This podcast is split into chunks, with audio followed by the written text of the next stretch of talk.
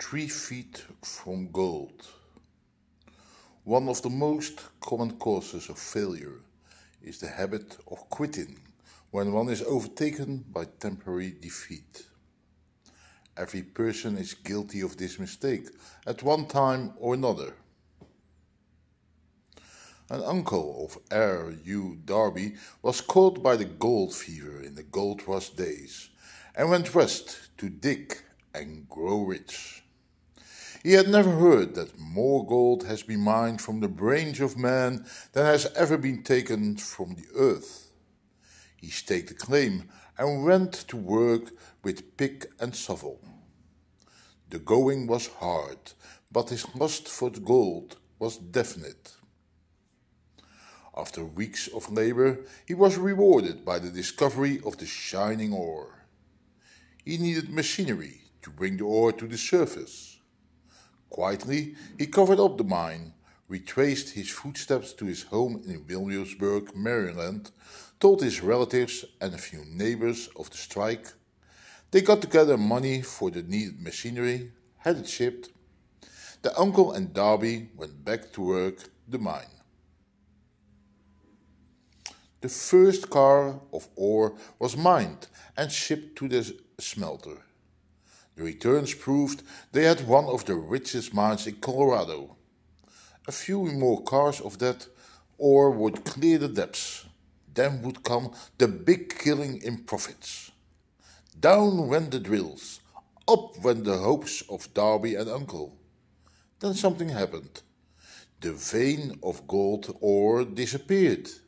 They had come to the end of the rainbow, and the pot of gold was no longer there. They drilled on, desperately trying to pick up the vein again, all to no avail. Finally, they decided to quit. They sold the machinery to a junkman for a few hundred dollars and took the train back home. Some junkmen are dumb, but not this one. He called in a mining engineer to look at the mine and do a little calculating. The engineer advised that the project had failed because the owners were not familiar with fault lines. His calculations showed that the vein would be found just three feet from where the Darbys had stopped drilling.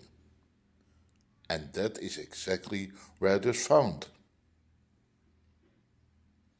The junkman took millions of dollars in ore from the mine because he knew enough to seek expert counsel before giving up.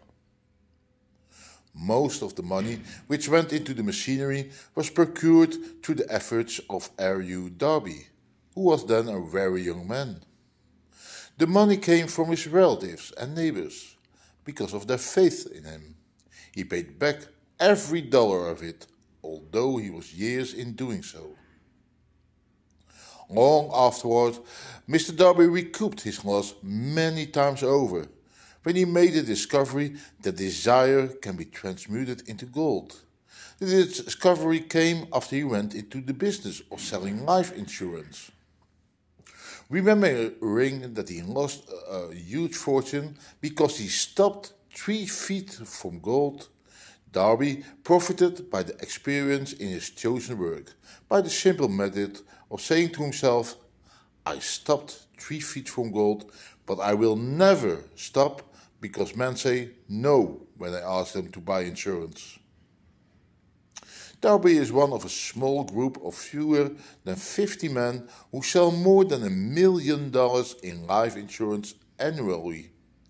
He owes his stickability to the lesson he, he learned from his quitability in the gold mining business.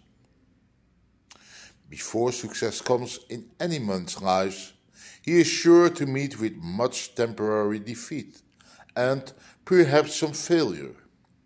When defeat overtakes a man, the easiest and most logical thing to do is to quit. That is exactly what the majority of men do.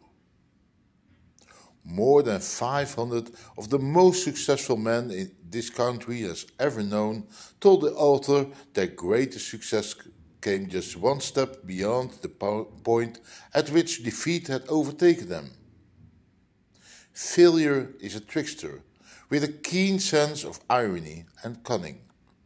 It takes great delight in tripping one when success is almost within reach.